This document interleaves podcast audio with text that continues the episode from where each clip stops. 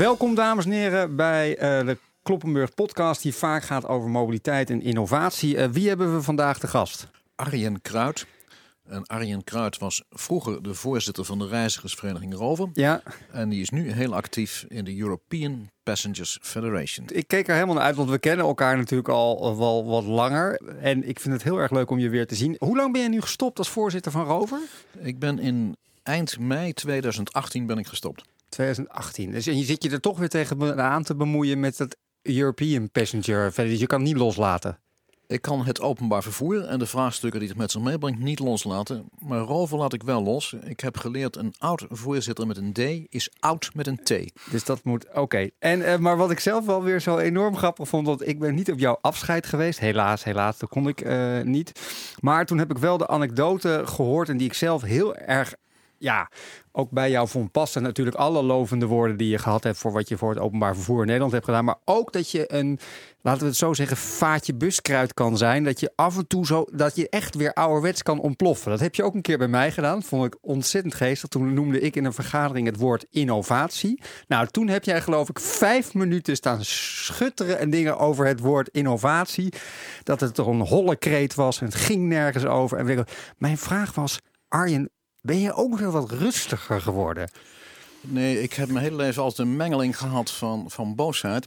En boosheid is eigenlijk een hele goede drijfveer. Ja? Wanneer ga je wat doen? Wanneer je denkt, zo de je, dit kan zo niet langer. Dan, moet je, dan ben je zeer gemotiveerd om iets te gaan doen. Dus ergernis is, als je het omzet in actie, is fantastisch.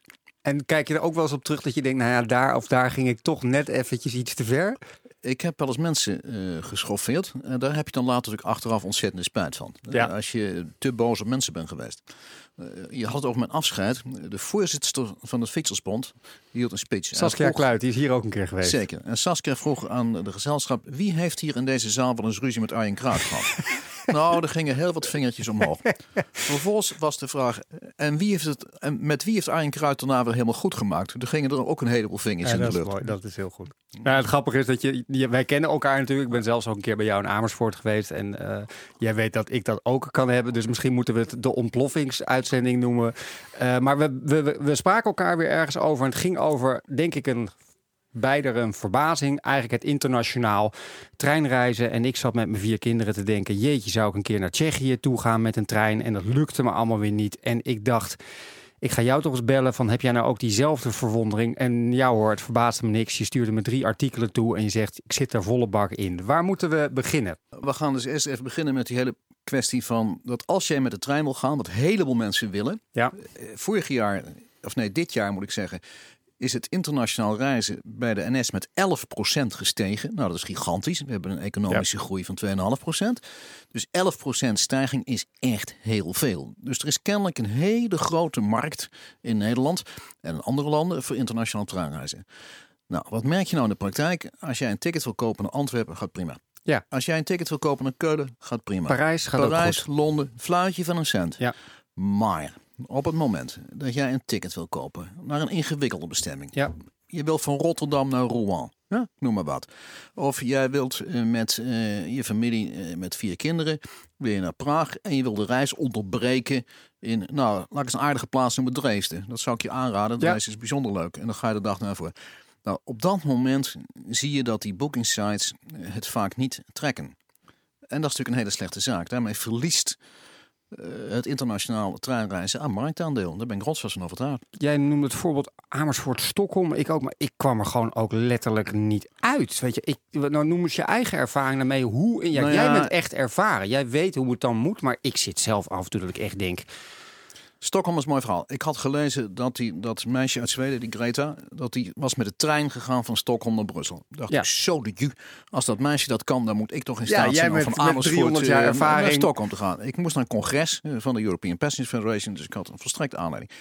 Nou, ik kwam er al achter dat ik bij de NS niet kon boeken. Die, dat ging niet. Nou, daarmee niet. Dan is de truc, en die kan ik iedereen aanraden.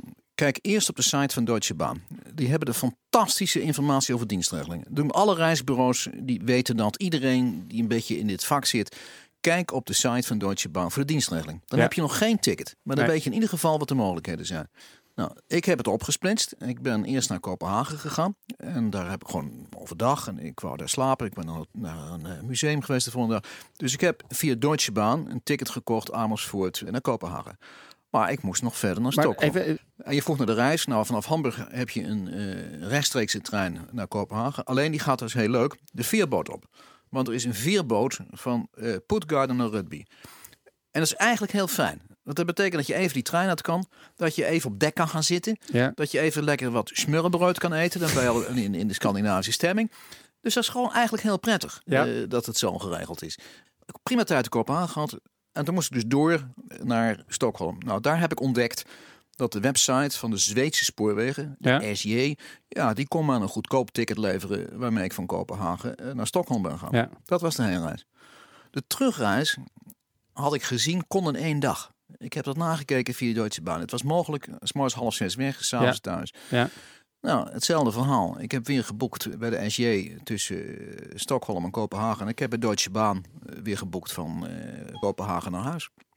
En wat was de prijs van het ticket? Want de mythes zijn ook op die prijs oh, van nee, die het was helemaal niet duur. Ik heb, eh, ben naar Kopenhagen eerste klas gereisd voor, ik meen 76 euro als ik me goed herinner. En ik ben van Kopenhagen naar Stockholm. Ja, dat was natuurlijk een Zweedse kroon, dus ik wel verdomd ingewikkeld omrekenen dan ik vrees. Maar ik, ja, mijn, op mijn hoofd zeg ik iets van 30, 40 euro hoor. Ja, nee, maar dat was ook, want jij verbeterde mij ook Ja. weer ouderwets. Want ik zei ja, maar dan krijg je natuurlijk de discussie vliegen eh, ten opzichte van treinen. En het is allemaal zo duur. En de kerosine, de BTW-discussie, bla bla bla bla. Dat jij zei, Geert, hou er eens mee op.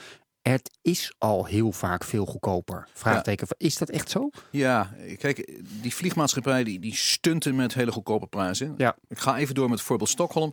Ik weet dat je met Ryanair goedkoop kan vliegen van Eindhoven naar Stockholm. Ha ha ha, Stockholm. Ha ha ha. ha.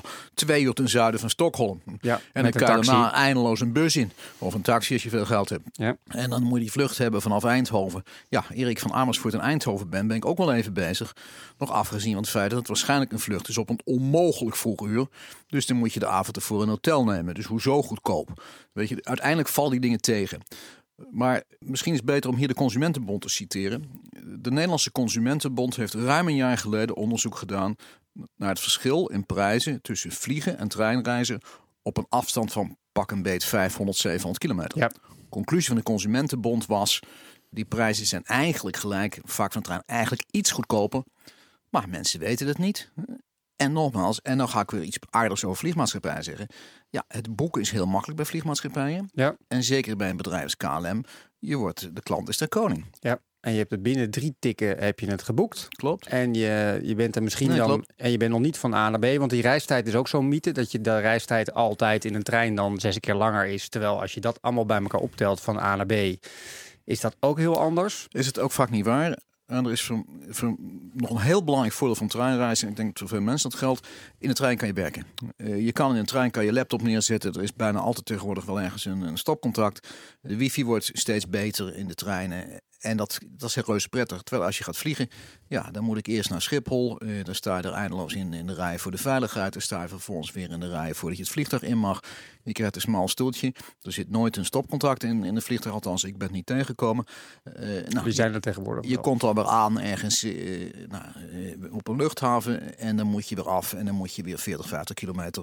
Ja, ik kan even advocaat van de duivel, want Dus dat doe ik ook bij jou aan de keukentafel Ja, altijd. Oké, ik kan wel werken in, de, in het vliegtuig. Eh, ik moet naar een station toe komen. Ik moet Hmm. naar een luchthaven toe komen. Een van de belangrijkste verschillen is die enorme hel van een douane Ja, op klopt. Schiphol. En die, die, die, die, de plek die redelijk ver weg is vaak. De vliegvelden liggen niet in de stad. En je komt met een trein veel dichter. Echt, dat vind ik Precies. de major. En echt lekker werken vind ik het niet. Ik heb wel een stopcontact, maar als ik ga heen en weer ga klapperen, dan, dan Hmm. Werkt het niet zo goed. Nou, ik kan misschien een go- goed voorbeeld uit mijn eigen ervaring vertellen. Ik, ik moet nog eens naar Londen, ook voor de European Passengers Federation. De laatste keer dat ik uit Londen wegging was op een maandag. Mijn trein ging om kwart over vijf. Dat is echt spitsuur. Paddington Station.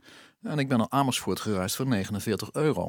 Nou, dat krijg ik met vliegtuig echt niet voor elkaar op Nee. maandag op spitstijd. En dan zit je centrum Londen. hè? Iets hartje Londen en prettige trein. Maar oké, maar dan toch naar de, ons beide eh, frustratie is dat, dat de marketeers, en jij hebt het ook al 300 keer in een column gezegd, is gemak, gemak, gemak. Makkelijk zorgen dat je kan boeken. En als we een paar voorbeelden nemen van reizen die ik wilde doen, die net wat ingewikkelder zijn dan de stereotype, dan kom ik werkelijk in een soort van. Ja, en dan denk ik, ik wil, ik wil, ik wil. En op een gegeven moment, zelfs met alle goede wil van de wereld, dan haak ik toch af. Wat zijn nog een aantal voorbeelden waarvan jij zegt, nou misschien tips en tricks, waar kan ik goedkoop mijn tickets krijgen? Hoe doe ik het Duitsland, hoe doe ik België? Hangt er vanaf waar je naartoe moet. Uh, wat ik je bij Duitsland zeg, eh, vaak is de zogenaamde spaarprijs, of superspaasprijs. Ja, sorry Ja, voor mijn Ja, dat uitstekende Duits. En die is vaak heel voordelig en die begint bijvoorbeeld in Bentheim. Begrijp je? Dus dan kun Ja, je... Bentheim voor de luisteraars. Waar Bentheim is het grensstation eh, tussen Duitsland en Nederland eh achteronder zo. Eh, dus dan is de truc is dan heel vaak om daar eerst te kijken naar een goedkoop ticket en dan iets aansluitends in Nederland te kopen tot je daar komt. Dat is voor Duitsland is er, en eigenlijk Oost-Europa, want Duitsland is natuurlijk de poort naar Oost-Europa, laten we wel wezen vanuit Nederland, is dat een aanbevelenswaardige truc. Als ik naar Brussel moet of naar Parijs, dan kijk ik zowel bij de SNCF, die een Nederlandstalige website heeft. Ja, ja. NS eh, doet alleen maar in het Engels. Ja. En ik kijk soms ook even bij de NMBS, dat is de Belgische spoorwegen. En ik kijk ook soms bij Thalys. En, dan, en uiteraard bij de NS. Eh, Ja. Allemaal de goede, die die zijn ook heel goed. Nou, dan zie je soms toch prijsverschillen. Eh, en dan zie je dus soms toch dat je beter via de ene site of via de andere site kan boeken. Ja. Ehm, waar veel mensen gebruik van maken die niet zo ervaren zijn als jij en ik, dat is treinreiziger.nl. Ja. Nou, Eh, daar kom ik vaak terecht hoor. Zo ervaren Ja, ben ik nog niet eens. Nee, maar dat, dat, dat is een goed bedrijf. Die, die, die jongens die hebben dezelfde kritiek als jij. En die zeggen, nou, wij proberen onze eigen deskundigheid op peil te houden. Ja. Zodat we mensen kunnen helpen die moeite hebben met het internationale treinreizen. En wat ik ook weer veel de zomervakantie waren een aantal mensen die of waren gaan interrailen, of die eh, tickets hadden geboekt, of die waren het weer eens een keer gaan proberen. Stonden de kranten natuurlijk ook vol van. En dan blijkt opeens dat je vertraging hebt en je trein is al vertrokken. En dan wordt het echt gezellig, want dan moet je nog eens een keer gaan omboeken. En, ga- en dan begint het gezeik eigenlijk echt. We moeten oppassen dat we allebei niet ontploffen van woede. Maar het, bij mij kan het dan ook echt koken. Zeker omdat ik weet, als ik bij vliegmaatschappijen eh, mis, dan word ik dan wordt het geregeld. Of zit ik nou weer allemaal fouten te maken? Nee, is helemaal niet fout. Er is een Europese wet en regelgeving over het onderwerp. En in die Eu- Europese wet en regelgeving over vliegen staat uitdrukkelijk dat als bijvoorbeeld nee, de KLM niet in staat is om eh, van Amsterdam naar Oslo te transporteren en ze kunnen dat niet binnen één of twee uur Omdat het oplossen, vliegtuig kapot is of wat dan ook, dan zijn ze verplicht om mij over te boeken op Norwegian Airlines of, of, of als SAS of wat dan ook. Dat is daar gewoon geregeld. Dat is helaas in de Europese wet en regelgeving over spoorwegen niet zo goed geregeld. Het is geregeld, maar niet goed genoeg. Wat is de praktijkervaring? In Duitsland merk ik dat het nauwelijks een probleem is. Ik heb in Duitsland treinen gemist. Geen probleem. Je gaat het loket en die man zet een stempeltje op je ticket en je kan de eerstvolgende volgende trein nemen. Ja. Daar vind ik het niet zo'n probleem. Waar gaat het fout? Daar krijgen we bij de EPF veel klachten over. De Engelsen die komen aan met de Eurostar in eh, Brussel. Ja, Missen de aansluiting op de Duitse ICE naar eh, een bestemming in Duitsland. En is de volgende trein is Thalys. En Thalys vertikt het om die mensen mee te nemen. Daar zijn ontzettend veel klachten over. Ja. Die doen het gewoon slecht. helder. En wat ik zelf, dat, dat, dat is vaak bij deze uitzending, dan hebben we allemaal praktische voorbeelden. En dan gaan we iets langzamer praten, maar dan doemt die vraag op. Waarom wordt dit niet beter geregeld tussen die spoororganisaties? Het zijn allemaal 100% staatsbedrijven zo ongeveer. What on earth moet er gedaan worden dat ja, ze zeggen altijd in 85 keer, nou je weet het Arjen, eh, de reiziger centraal, de reiziger centraal, de reiziger centraal. Maar dat ik denk, zo'n boekingssysteem en al dat soort dingen. Het is toch niet zo ingewikkeld? Nee, ik, Of ben ik te- te- nee, te nee, simpel? Nee, nee, nee, je hebt gelijk. Eh, Er is een systeem wat achter al die luchtvaartboekingen zit. Ja. En ook achter de hotelboekingen zit. Dat heet Amadeus. Dat is een, een computersysteem, mijn woorden, ICT-systeem. Die het mogelijk maken dat als ik van Amsterdam vlieg naar een kleine luchthaven in Bolivia. dat ik een ticket krijg waarbij ik moet overstappen in Madrid. en het, waarbij ik in eh, Santa Cruz weer moet Ja, overstappen. en als je dat met een trein naar Barcelona wil doen. En dat kunnen ze allemaal. Dus die luchtvaart heeft het voor elkaar. En het systeem daarachter heet Amadeus. Amadeus heeft aangeboden aan de grote spoorwegbedrijven in Europa om een soortgelijk systeem te ontwikkelen voor het internationaal treinreizen. Ja. Tot op heden blijft dat bij gepraat. Wat zit daarachter? Er zit achter dat die spoorwegmaatschappijen allemaal hun eigen marktaandeel willen beschermen. Dus NS heeft het liefste dat jij boekt via NS Reizigers en heeft liever niet dat je boekt via Thalys of, of, of wat voor ander bedrijf dan. Dat zit er in wezen achter. Hoe moet dat veranderen? Ik heb het opgegeven om te denken dat die spoorwegbedrijven door gezond verstand en overleg eruit komen. Ik denk dat de nieuwe Europese Commissie, die nu een aantocht is, hier echt moet gaan dwingen. Echt moet gaan zeggen, met de, gewoon door middel van Europese wet en regelgeving. Uh, spoorwegbedrijven, gij zult u aansluiten op een uh, Europees platform. systeem. Ja. Open. Platform, zet er ja. maar een woord aan. Ja. Nogmaals, ik, wil- als je een app hebt van hoe heet dat ding, dat bedrijf vliegtickets.nl, nou ja, dat soort bedrijven, dan krijg je dat vlot. Ik denk dat bijna iedereen Booking.com kent. Ja. Eh, dat is zo'n systeem waarmee je dus hotels eh, betrekkelijk makkelijk kan, eh, kan boeken. Ja, dat ontbreekt dus in die spoorwegsector. Ja. En dat is één van de belangrijkste redenen mijn ogen waarom het internationaal treinvervoer niet zo hard groeit en bloeit als het zou kunnen groeien en bloeien. Eh, als je andersom redeneert vanuit de toeristen die in Nederland binnenkomen, hebben we Ah, wel eens op Schiphol gezeten. En dat je dan eigenlijk toch ook denkt, hoe moeilijk is het nou om voor alle KLM-tickets, dat je dan zegt, nou voor 10 euro of 15 euro kan je automatisch door het OV-systeem is, als je er daadwerkelijk gebruik van maakt. Als die mensen er geen van gebruik van gemaakt wordt, dan wordt het niet afgeschreven. Maar dan heb je eigenlijk dus een enorme extra grote groei. Dus je betaalt. Dus het wordt pas afgerekend aan de achterkant. We hebben gewoon een incheck-systeem. Dus als jij uit, eh, weet ik veel, Bolivia komt met je kleinkind of whatever. En je doet het met dat ticket, dan wordt, gaat de ticker lopen. Maar zelfs dat soort basale dingen, die, die zijn er niet. Ten dele wel, ten dele niet. Ik heb drie jaar gelobbyd als voorzitter van Rover om ervoor te zorgen dat er nu een ticket is wat je op Schiphol kan kopen. Ja. En wat één, twee, drie of vier dagen geldig is op de trein van eh, Schiphol naar Amsterdam. En vervolgens op het netwerk Ja. van, het, van de GVB. Ik ben- ik ben- het, hebben, al, het hebben jaren Drie gekost. jaar, dat Ja, is al ongelooflijk. Maar, Ja. nee, maar heb je hem ook gevonden? Want ik Ja, ben laatst weer voor... Ja, maar je moet nee. bij die kiosk zes keer het hoekje omlopen. Of zeg je, nee, je loopt de Zaneke. Mm, hij wordt goed verkocht. En wat die bedrijven raar vonden, en ik helemaal niet raar vond. De meeste tickets zijn voor drie of voor vier dagen. Waarom? De meeste toeristen blijven drie à vier dagen in Amsterdam. Dus dat had je kunnen weten. Weet je waar ze ook verkocht worden? Dat is op de plek waar de bussen aankomen. Er gaan heel veel mensen komen met die Flixbussen en, en ID-bussen en hoe ze het allemaal moeten heten. Dat Die komen op Sloterdijk aan. En ze hebben heel slim, als je Sloterdijk dus dat vanaf die bushalte komt, dan loop je Oh, de hallen en dan ik staat er dus al zo'n standje eh, van de NS, GVB of wie dan ook. Ja. En dan worden die ticketjes als, als warme broodjes verkocht. We gaan even naar systeemniveau toe. Wat zit er nou toch achter? Ik heb het net al even geprobeerd van die spoorbedrijven, maar we hebben het vaker meegemaakt samen dat je denkt.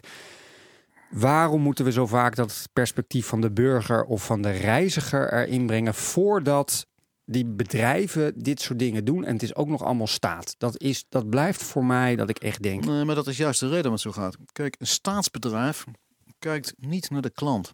Een staatsbedrijf als kijkt naar de minister. Een gemeentebedrijf kijkt naar de wethouder.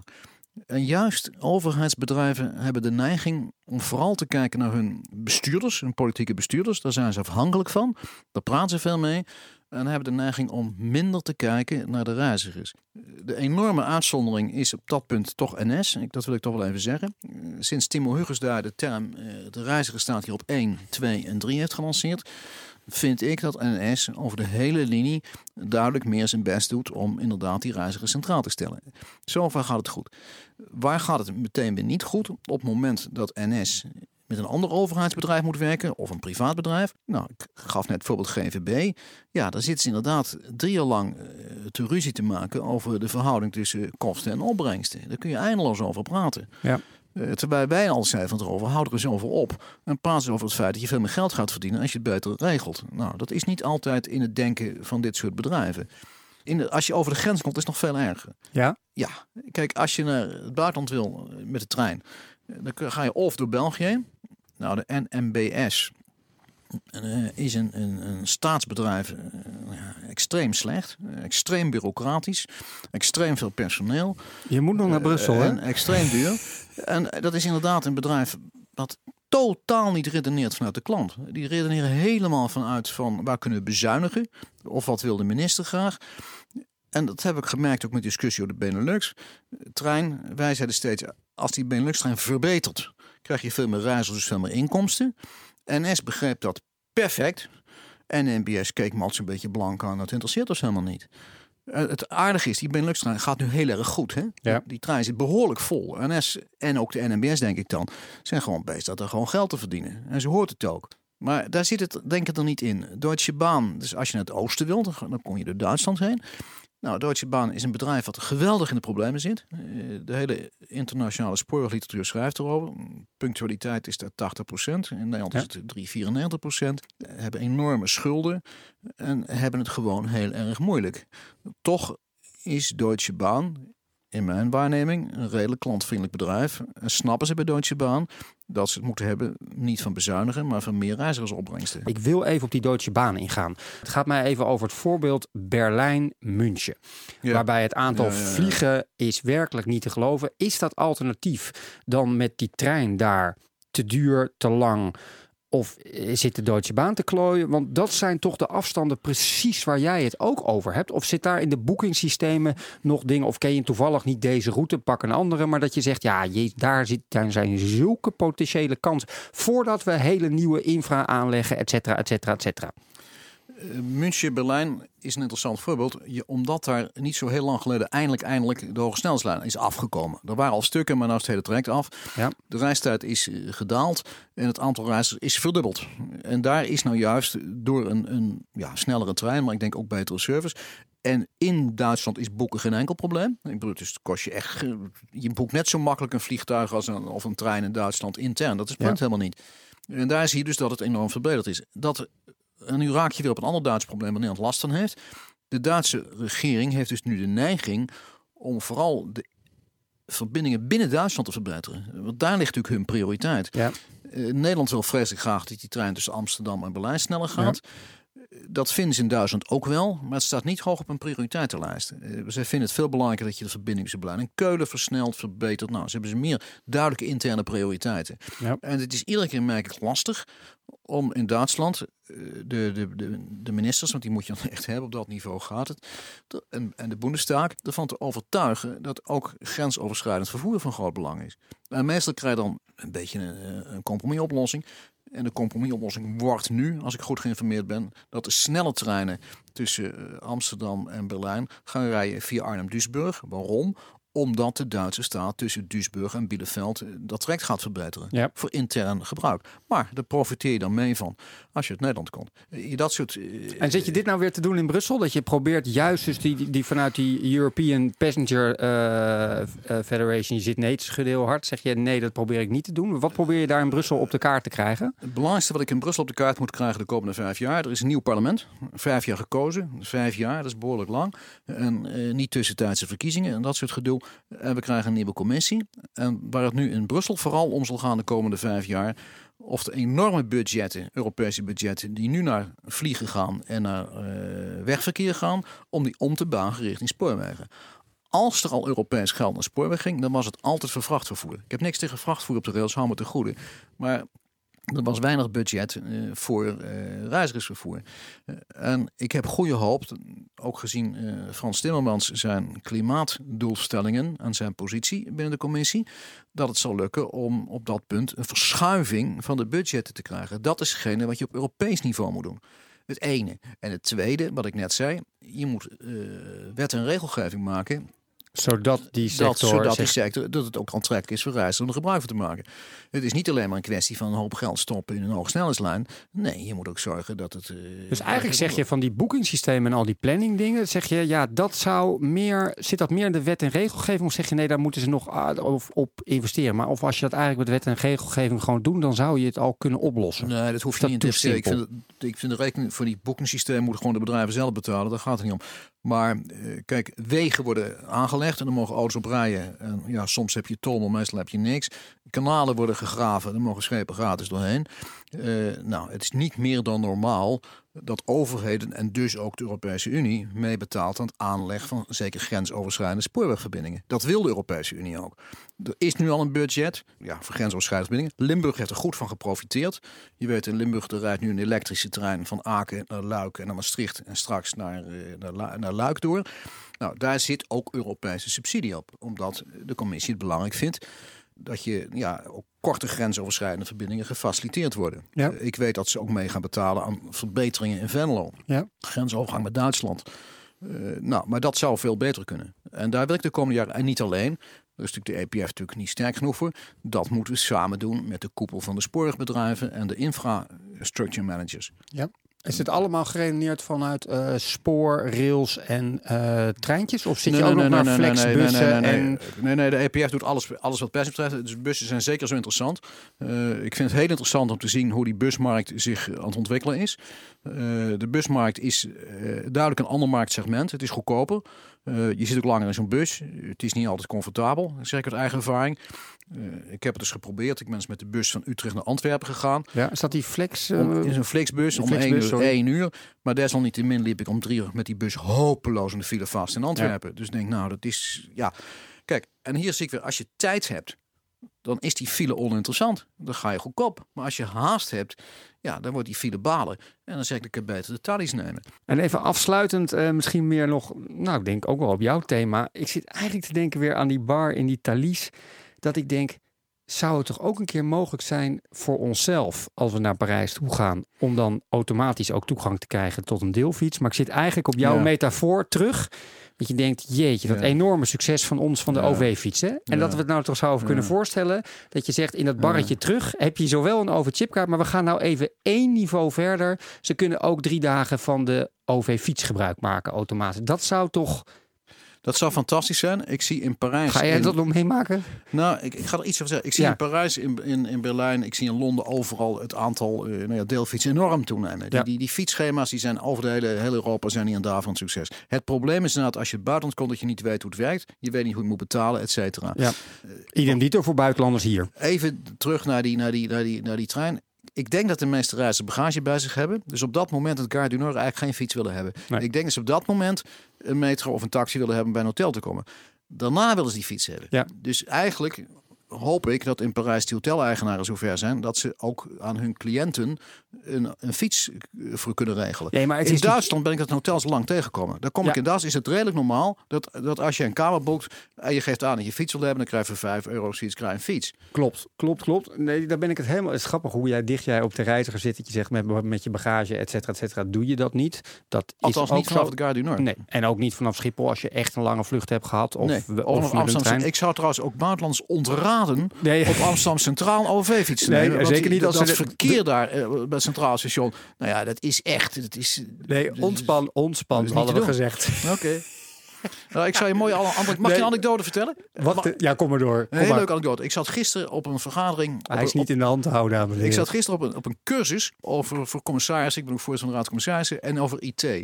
En toen vertelde een vent die er zelf een Tesla reed. Die was in Silicon Valley geweest. En had dus zo'n zelf zo'n auto gezien die dus zelf kan zelfs, rijden. ja, van Waymo. Dat veronderstelt dat je allemaal variabelen kan hebben. Hij zei, ik acht het uitgesloten dat je alle variabelen van stationspunt Amsterdam centraal ooit in de computer kan krijgen. Nee, dat kan ook niet. Ik zit even te denken, gaan we dat meemaken dat, er een, dat je dus ook op dat kaartje meteen een OV-fiets zou kunnen pakken? Of ik nou eerst met de metro eh, in mijn hotel aanga, maar dat het er gewoon in zit. Ik denk niet met het kaartje zoals jij en ik dat kennen in de zin van e-ticket of een papieren kaartje, maar wel via de mobiele telefoon ja. Ja. Ik ben ervan overtuigd dat we over een paar jaar eh, de hele ticketing via de mobiele telefoon Ja. zal gaan. En ik denk dat het dan ook veel makkelijker wordt om nou ja, zeg maar zo'n deelfiets te ontsluiten. ja. Ken je het bedrijf Transer? Nee. Nou, het grappige is dus dat er nu dus nieuwe Maas-aanbieders komen, die Ja. dus vanaf Schiphol hiermee Ja. bezig zijn om eigenlijk die hele reis digitaal Ja. voor je gewoon te organiseren. Maar eigenlijk ben je dus toch nog, je bent misschien wel zeg maar wat ouder, maar je bent ook weer heel hip, want dit is allemaal waar de jongere generatie de hele dag over zit te ouwehoeren. Ja, maar ik heb het al heel lang gezien. Het gekke, het gekke was dat als je, nee, als je in de trein in Thalys zat, hè, eh, al, ja, al vijf, zes jaar geleden, dan zag ik dat al die Fransen die hadden een ticket op mobiele telefoon. En die Nederlanders die zaten nog, nog met, eh, met papieren tickets eh, te- te halen. Ik heb eh, de grootste deurbraak heb ik in Oslo gezien. Noorwegen is een zeer geavanceerd land. En daar heb je het, het openbaar bedro- vervoerbedrijf voor Oslo en omstreek, het heet Ruter. Daar hebben ze een eigen app ontwikkeld. Zonder ICT-bedrijf, ook heel interessant. Ze Ja. hebben gewoon een groep reizigers, hebben ze in de Kamer van Directeur gezet. Ja, met, de, met de eigen IT-man van Ruter hebben ze een appje ontwikkeld. Ja. En het is een fantastiche app. Je staat bij een bushalte en je klopt in eh, waar je staat. Dan geeft hij aan hoe laat de bus komt. En je zegt, ik wil daar naartoe. Je drukt weer op een knop en je hebt een ticket. ja, dat is echt En dat is echt fantastisch. En, het- en dat betekent ook, het is voor de, voor de consument gemak, gemak, gemak. We gaan eindigen zoals we precies. eigenlijk gemak, gemak, gemak, gemak, voor de reiziger. Dat is je centrale boodschap. En voor het bedrijf ook heel voordelig, want de ticketingkosten worden nul.